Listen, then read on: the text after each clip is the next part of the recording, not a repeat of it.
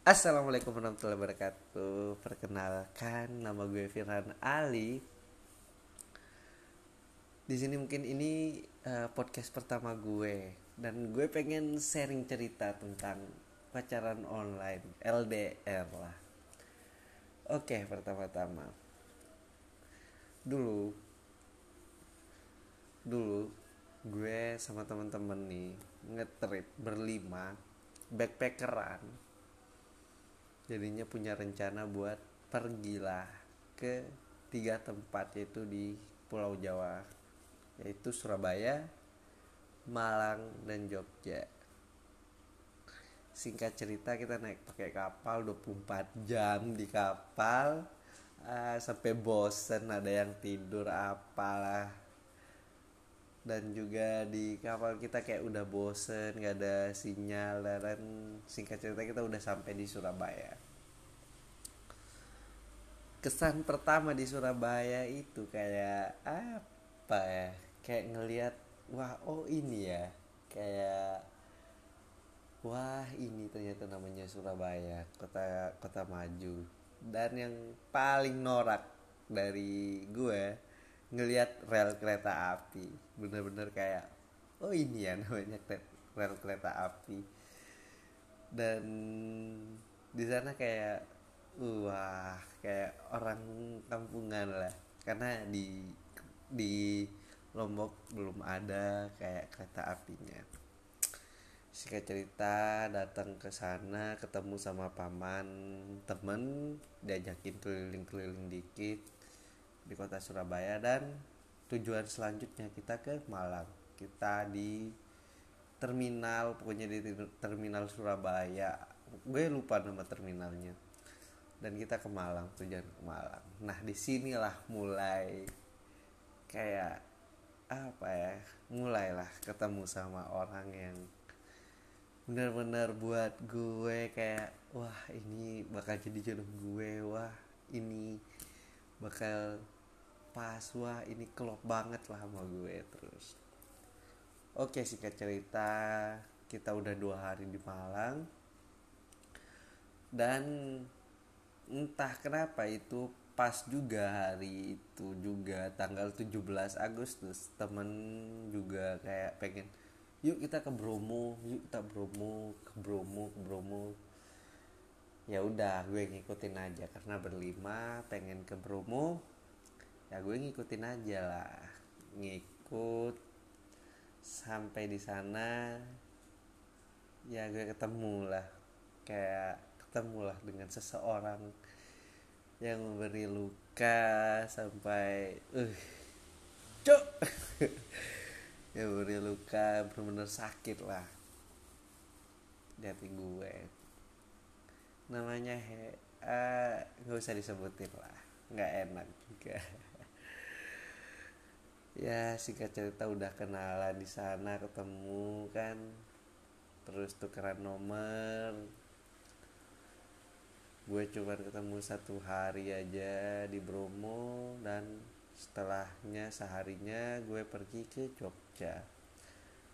Dari situ mulai kayak chattingan biasa-biasa aja saling bercanda bareng tukar pikiran kayak nanya hobi apa? Oh kamu seneng muncak ya kayak gitu. Ya ya ya aku seneng muncak juga kayak gitu. Saling nyaman nyaman nyaman nyaman nyaman. Sebulan udah nyaman ya kita coba jalani hubungan lah. Tapi nggak tahu kenapa dia juga kayak ya udah kita jalanin aja jalanin aja dan singkat cerita udah empat bulan berjalan hubungan ini sama-sama nyaman sama-sama kayak udah pas juga. Walaupun kita sering video callan kita sering berbagi cerita entah itu kisah sedih kita kisah senang lah entah bercanda bareng lah dan hal itu yang buat dia makin nyaman sama gue dan tak kenapa di bulan Desember gue berjanji buat pergi ke Malang lagi buat nemuin dia lagi lah buat nemuin dia lagi. Dan di situ kayak wah cok pandemi corona. Dan itu benar-benar kayak ngerusak lah planning yang udah gue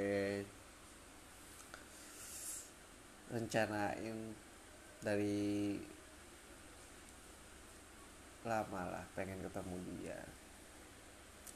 Berjalan waktu gue kerja dari pagi sampai malam kerja di dua tempat demi ngumpulin uang buat ketemu dia. Dan tepat mungkin Juli ya oh Juni Juni ya Juni. Tepat di ulang tahunnya dia pengen oh, singkat cerita lah ya gue cerita langsung. Tepat di hari ulang tahunnya yaitu 10 Juni gue ngasih dia hadiah. Dia pengen kain songket. Dia pengen kain songket asli lombok dan itu gue kirimin dan itu uang. Aduh udah gue kumpulin buat beliin dia. Memang sih harganya nggak seberapa tapi ya tetap aja lah kan. Namun setelah itu kayak ada yang berubah nih sama si cewek ini. Kok berubah? Nggak biasanya. Yang biasanya kita sering video callan bercanda-bercanda bareng ternyata dia berubah. Kenapa? Ya gue tetap positif thinking kan. Oh mungkin dia kecapean. Dia juga kerja di sana di Malang dia kerja. Ya karena gue terus positif positif positif. Dan pada akhirnya gue mikir kok dia benar-benar berubah? Nggak kayak biasanya. Yang biasanya kita sering video callan udah sekarang udah agak jarang ya dan apa yang gue selalu positif thinkingin apa yang gue selalu percayai bahwa LDR itu akan berhasil itu salah men. Salah. Tepat itu tanggal 10 Agustus lah mau setahun lah.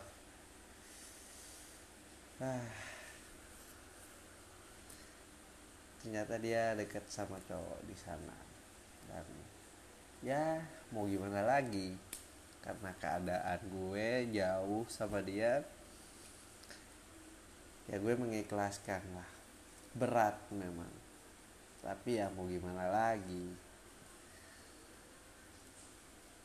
Lu nggak bisa maksa orang buat cinta kalau lu tuh nggak bisa nggak apa-apa dia udah milih kebahagiaannya dia nggak apa-apa. Nggak apa-apa lu lu sakit nggak apa-apa. Intinya lu sebagai cowok gue di pada saat itu gue nangis sedih drop sampai drop sampai sakit pun. Dan ya udah mencoba sedikit sedikit buat bangkit. Dan mungkin seminggu masih kayak mikirin masih ngekontak dia.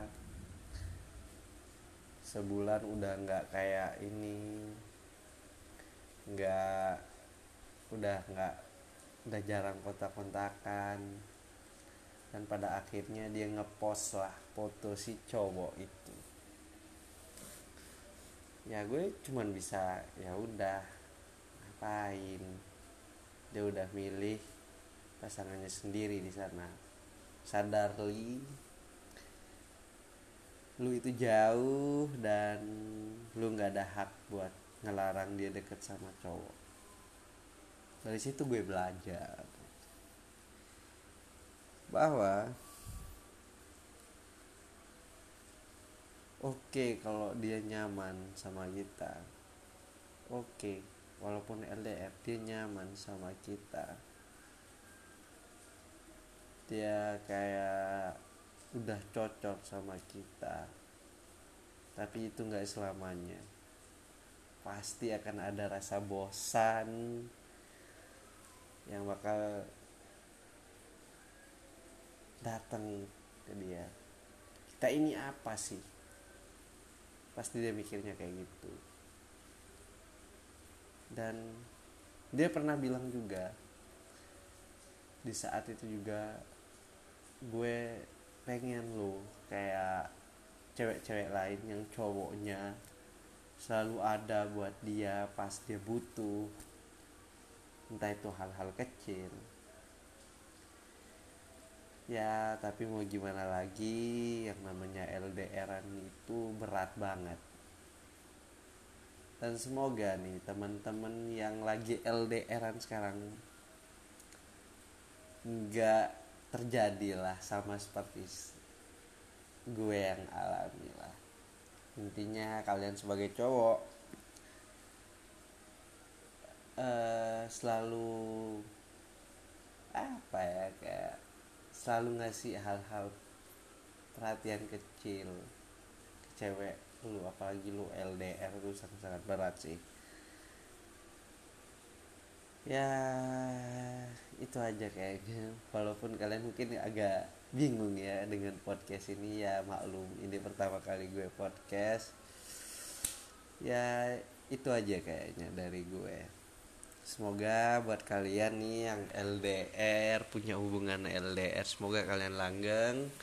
Semoga kalian bisa sampai nikah lah semangat para pejuang LDR oke okay, see you assalamualaikum dadah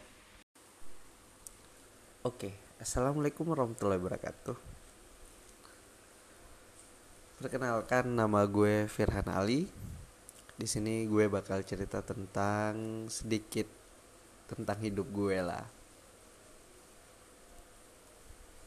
Mungkin awal-awal gue bakal cerita dari kelas 3 SMK lah. Oke. Kelas 3 SMK itu benar-benar kayak masa-masa di mana lu bahagia lu bakal lulus lu bakal bebas lu bakal kayak ngerasain kebebasan dunia tapi di masa itu juga gue ditinggal sama orang yang mungkin gue butuhin di saat ini juga di saat gue nyari kayak bukan nyari sih kayak tumbuh jadi orang yang lebih dewasa yaitu bapak. Jadi waktu gue di kelas 3 SMK bapak gue kena penyakit darah tinggi stroke dan di situ gue benar-benar kayak wah gue coba nguatin diri gue coba ngehadapin itu semua gue coba gak nyerah sama keadaan walaupun sekolah gue tetap jagain almarhum bapak gue sama ibu. Ya tetap aja lu bakal capek dengan hal itu. Tapi gue nggak nyerah dan sampai suatu saat gue capek ngeliat almarhum bapak gue sakit dan gue ngomong sama sahabat gue gak apa-apa lah. Almarhum bapak meninggal sekarang gue ikhlas. Dan di situlah gue belajar yang namanya ilmu ikhlas. Ya entah mungkin karena gue capek ngeliat almarhum bapak gue juga kesakitan kayak gitu kan. Ya dia udah dirawat di rumah sakit selama dua bulan. Jadi gue sama ibu selama bapak dirawat ya dua bulan di rumah sakit jarang di rumah. Oke singkat cerita bapak pulang lah. Paksa pulang dan makin parah penyakitnya. Di situ gue kayak ya udahlah nggak apa-apa. Di saat itu juga dia dibawa lagi ke rumah sakit. Dia dioperasi dan gue berharap bapak semakin membaik. Tapi hasilnya malah sebaliknya. Dan keluarga ibu juga ya udah kita rawat bapak di rumah. Dan mungkin ini titik yang membuat gue lebih dewasa lagi. Hamin seminggu dia meninggal. Beliau almarhum bapak dengan saya kayak entah kalian percaya atau tidak mungkin dia ngasih pesan ke saya jadi gue diajak ke suatu tempat yang benar-benar indah banget tenang di sana. Dan dia nyari kayak almarhum kakek gue dan yang keluarga-keluarga yang udah pernah meninggal. Tapi di saat itu dia nggak ketemu. Dan dia bilang besok kita cari lagi. Oh iya pak. Dan gue terbangun dari tidur gue. Entah Hamin tiga dia almarhum meninggal. Gue diajak ke tempat itu lagi. Tempatnya sejuk banget terus orang-orangnya itu ramah hangat. Dan itu mungkin yang di visualkan ke gue itu surga. Dan di sana dia udah ketemu. Dan gue lihat keluarga-keluarga almarhum bapak yang udah meninggal tuh dia kumpul di sana. Dan beliau berpesan nak kamu harus sukses. Sekarang tugasmu itu jaga ibu baik-baik. Jangan buat ibu sedih tanggung jawab ayah. Tanggung jawab bapak. Saya serahkan kepada kamu nah, kamu harus sukses bahagiain ibumu. Dan sontak sontak lah gue nanya ke bapak bapak mau ke mana? Bapak mau pergi sama kakekmu. Dan di situ juga gue kayak Pak ikut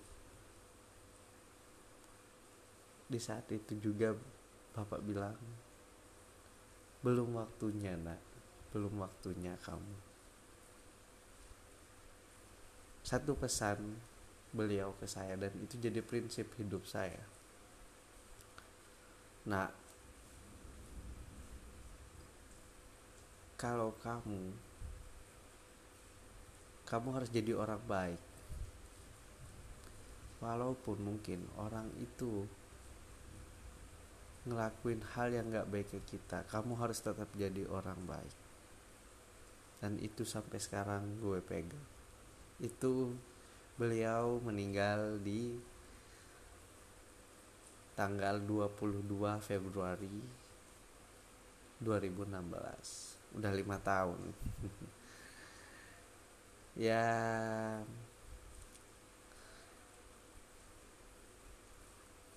ya apa ya kayak dan di saat beliau meninggal di sana gue nggak nangis gue coba tegar gue coba ngiklasin beliau. Dan sampai paman nanya kayak lu kenapa nggak nangis sih? Orang tua lu meninggal bapak lu meninggal kayak gitu. Tapi gue jawab kayak gini buat apa saya menangis? Toh juga kalau dia kalau saya menangis apakah dia akan hidup lagi? Enggak kan? Ya udah kita ikhlasin aja apa yang mau pencipta ambil dari kita. Ya udah kita ikhlasin. Bayangin perasaan lu lu mau lulus SMK lu pengen ja, nyari jati diri lu kayak gue ini apa? Gue ini mau jadi apa sih? Di saat itu lu ditinggal sama orang yang mungkin bisa nguatin lu buat nyari jati diri lu. Tapi di sana gue gue benar-benar jadi orang yang bisa mengikhlaskan lah. Kepergian kehilangan ya dari situ mulai belajar. Dulunya bandel kayak apa ya kayak mungkin pas SMA kita nih sebagai anak-anak mungkin belum berpikir kayak dewasa kayak lu minta apa pun ke orang tua lu sampai nangis lu sampai ngambek kayak lu harus diturutin. Dan orang tua selalu ngikutin itu entah mungkin gimana caranya dapat uang buat beliin itu kita nggak pernah mikir. Dan di umur gue yang sekarang kayak wah ternyata kayak gini ya rasanya jadi seorang ayah. Walaupun gue belum nikah tapi tetap aja kerasa wah ternyata kayak gini ya rasanya orang nyari uang dan mungkin gue ingat beliau dulu pas beliin laptop kayak gue aduh ngambek nggak pengen sekolah lah. Dia nyari minjem uang ke sana kemari demi beliin laptop. Dan itu mungkin hal yang mungkin nggak bisa gue balas ke almarhum bapak. Ya terkadang lah kita harus melepaskan itu semua. Sebenarnya di saat gue ini sekarang alhamdulillah gue udah kerja. Gue pengen ngebalas sedikit apa yang pernah dikasih ke gue ke bapak dan ibu lah. Alhamdulillah ibu masih ada dan mungkin itu yang saya punya satu-satunya sekarang. Jadi motivasi hidup lah ya gue pengen ngebalas lah dengan ngebeliin hal-hal kecil. Entah itu mungkin apalah kulkas lantai itu barang entah itu ku kalian ngasih uang entah itu kalian beliin makanan. Hal-hal kayak kecil gitulah yang penting kita bisa ngelihat senyum dari kedua orang tua kita. Ya dan gue terus berusaha buat hal itu. Dan buat teman-teman nih jangan pernah menyerah sama keadaan keluarga kalian yang benar-benar kayak hancur. Jangan pernah. Gue tahu rasanya. Dan buat teman-teman nih yang masih ada orang tuanya luangin waktu buat kalian ya quality time lah sama keluarga. Luangin waktu buat kalian. Karena kita nggak pernah tahu yang namanya maut itu menjemput.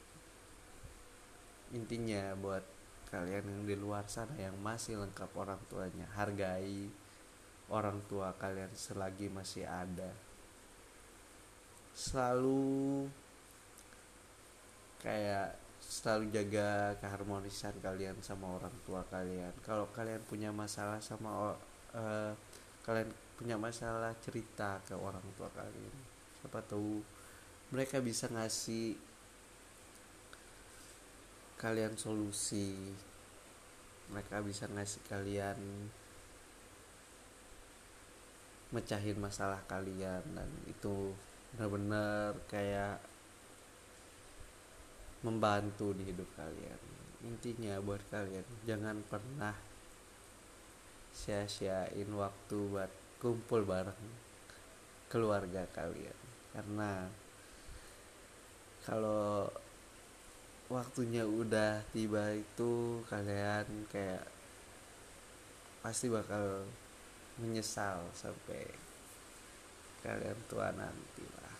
Ya sedikit cerita dari gue Ran Ali.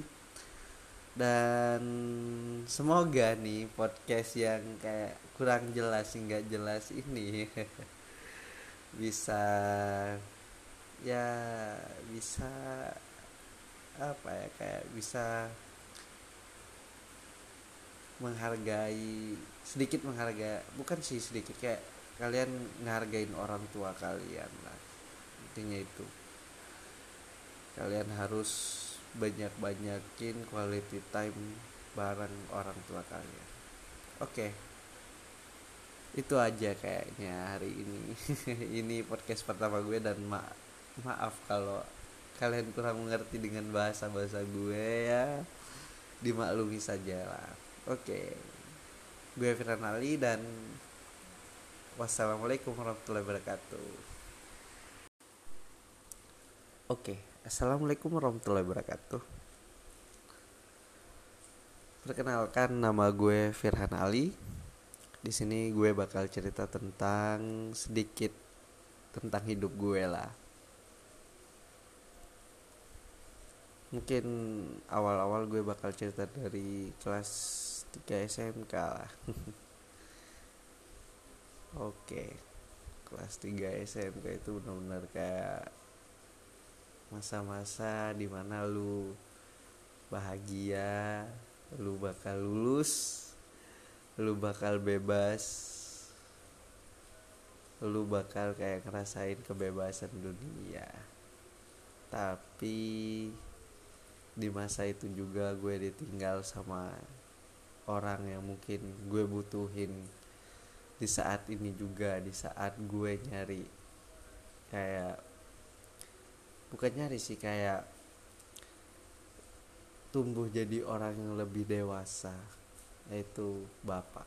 Jadi waktu gue di kelas 3 SMK bapak gue kena penyakit darah tinggi stroke. Dan di situ gue benar-benar kayak wah gue coba nguatin diri gue coba ngehadapin itu semua gue coba gak nyerah sama keadaan walaupun sekolah gue tetap jagain almarhum bapak gue sama ibu. Ya tetap aja lu bakal capek dengan hal itu. Tapi gue nggak nyerah. Dan sampai suatu saat gue capek ngeliat almarhum bapak gue sakit dan gue ngomong sama sahabat gue gak apa-apa lah. Almarhum bapak meninggal sekarang gue ikhlas. Dan di situlah gue belajar yang namanya ilmu ikhlas. Ya entah mungkin karena gue capek ngeliat almarhum bapak gue juga kesakitan kayak gitu kan. Ya dia udah dirawat di rumah sakit selama dua bulan. Jadi gue sama ibu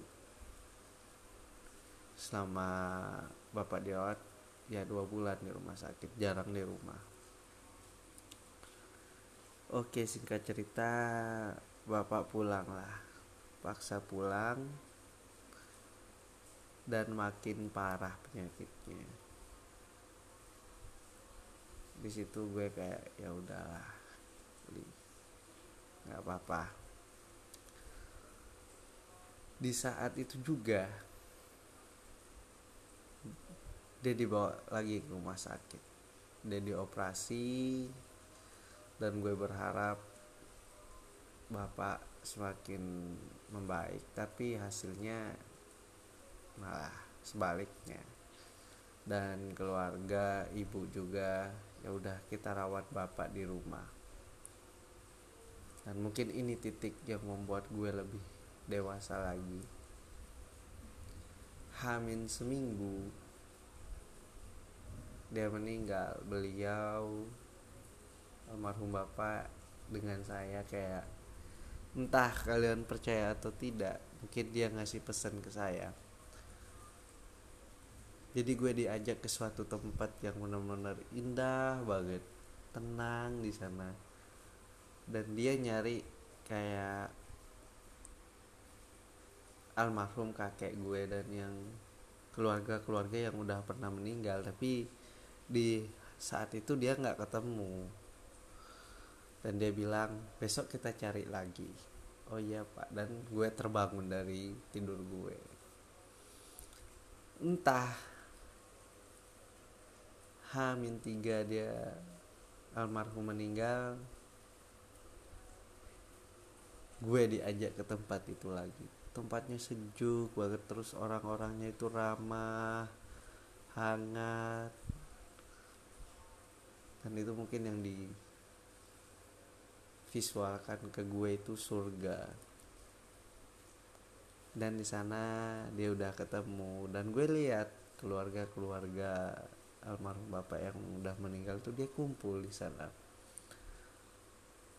Dan beliau berpesan nak kamu harus sukses. Sekarang tugasmu itu jaga ibu baik-baik. Jangan buat ibu sedih tanggung jawab ayah tanggung jawab bapak. Saya serahkan kepada kamu nah, kamu harus sukses bahagiain ibumu. Dan sontak sontaklah gue nanya ke bapak bapak mau ke mana? Bapak mau pergi sama kakekmu. Dan di situ juga gue kayak Fa ikut di saat itu juga bapak bilang belum waktunya nak. Belum waktunya kamu. Satu pesan beliau ke saya dan itu jadi prinsip hidup saya. Nah kalau kamu kamu harus jadi orang baik. Walaupun mungkin orang itu ngelakuin hal yang gak baik ke kita kamu harus tetap jadi orang baik. Dan itu sampai sekarang gue pegang. Itu beliau meninggal di tanggal 22 Februari 2016 udah lima tahun.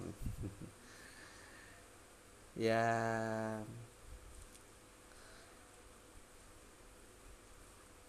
ya apa ya kayak dan di saat beliau meninggal di sana gue nggak nangis gue coba tegar gue coba ngiklasin beliau. Dan sampai paman nanya kayak lu kenapa nggak nangis sih? Orang tua lu meninggal bapak lu meninggal kayak gitu. Tapi gue jawab kayak gini buat apa saya menangis? Toh juga kalau dia kalau saya menangis apakah dia akan hidup lagi? Enggak kan? Ya udah kita ikhlasin aja apa yang mau pencipta ambil dari kita. Ya udah kita ikhlasin. Bayangin perasaan lu lu mau lulus SMK lu pengen ja, nyari jati diri lu kayak gue ini apa? Gue ini mau jadi apa sih? Di saat itu lu ditinggal sama orang yang mungkin bisa nguatin lu buat nyari jati diri lu. Tapi di sana gue gue benar-benar jadi orang yang bisa mengikhlaskan lah. Kepergian kehilangan ya dari situ mulai belajar. Dulunya bandel kayak apa ya kayak mungkin pas SMA kita nih sebagai anak-anak mungkin belum berpikir kayak dewasa kayak lu minta apa pun ke orang tua lu sampai nangis lu sampai ngambek kayak lu harus diturutin. Dan orang tua selalu ngikutin itu entah mungkin gimana caranya dapat uang buat beliin itu kita nggak pernah mikir. Dan di umur gue yang sekarang kayak wah ternyata kayak gini ya rasanya jadi seorang ayah. Walaupun gue belum nikah tapi tetap aja kerasa wah ternyata kayak gini ya rasanya orang nyari uang dan mungkin gue ingat beliau dulu pas beliin laptop kayak gue aduh ngambek gak pengen sekolah lah. Dia nyari minjem uang ke sana kemari demi beliin laptop. Dan itu mungkin hal yang mungkin gak bisa gue balas ke almarhum bapak. Ya terkadang lah kita harus melepaskan itu semua. Sebenarnya di saat gue ini sekarang alhamdulillah gue udah kerja. Gue pengen ngebalas sedikit apa yang pernah dikasih ke gue ke bapak dan ibu lah. Alhamdulillah ibu masih ada dan mungkin itu yang saya punya satu-satunya sekarang. Jadi motivasi hidup lah ya gue pengen ngebalas lah dengan ngebeliin hal-hal kecil. Entah itu mungkin apalah kulkas lah entah itu barang entah itu ku kalian ngasih uang entah itu kalian beliin makanan. Hal-hal kayak kecil gitulah yang penting kita bisa ngelihat senyum dari kedua orang tua kita. Ya dan gue terus berusaha buat hal itu. Dan buat teman-teman nih jangan pernah menyerah sama keadaan keluarga kalian yang benar-benar kayak hancur. Jangan pernah. Gue tahu rasanya. Dan buat teman-teman nih yang masih ada orang tuanya luangin waktu buat kalian ya quality time lah sama keluarga luangin waktu buat kalian. Karena kita nggak pernah tahu yang namanya maut itu menjemput. Intinya buat kalian yang di luar sana yang masih lengkap orang tuanya hargai orang tua kalian selagi masih ada. Selalu kayak selalu jaga keharmonisan kalian sama orang tua kalian. Kalau kalian punya masalah sama uh, kalian punya masalah cerita ke orang tua kalian. Siapa tahu mereka bisa ngasih kalian solusi. Mereka bisa ngasih kalian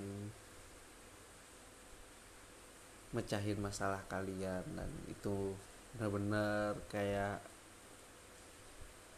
membantu di hidup kalian.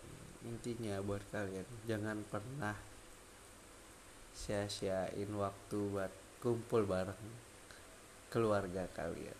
Karena kalau waktunya udah tiba itu kalian kayak pasti bakal menyesal sampai kalian tua nanti lah. Ya sedikit cerita dari gue Ran Ali. Dan semoga nih podcast yang kayak kurang jelas nggak jelas ini bisa ya bisa apa ya kayak bisa menghargai sedikit menghargai bukan sih sedikit kayak kalian ngehargain orang tua kalian lah intinya itu kalian harus banyak-banyakin quality time bareng orang tua kalian. Oke. Okay. itu aja kayaknya hari ini. Ini podcast pertama gue dan ma maaf kalau kalian kurang mengerti dengan bahasa-bahasa gue ya. Dimaklumi saja lah oke. Okay. gue Firman Ali dan Wassalamualaikum warahmatullahi wabarakatuh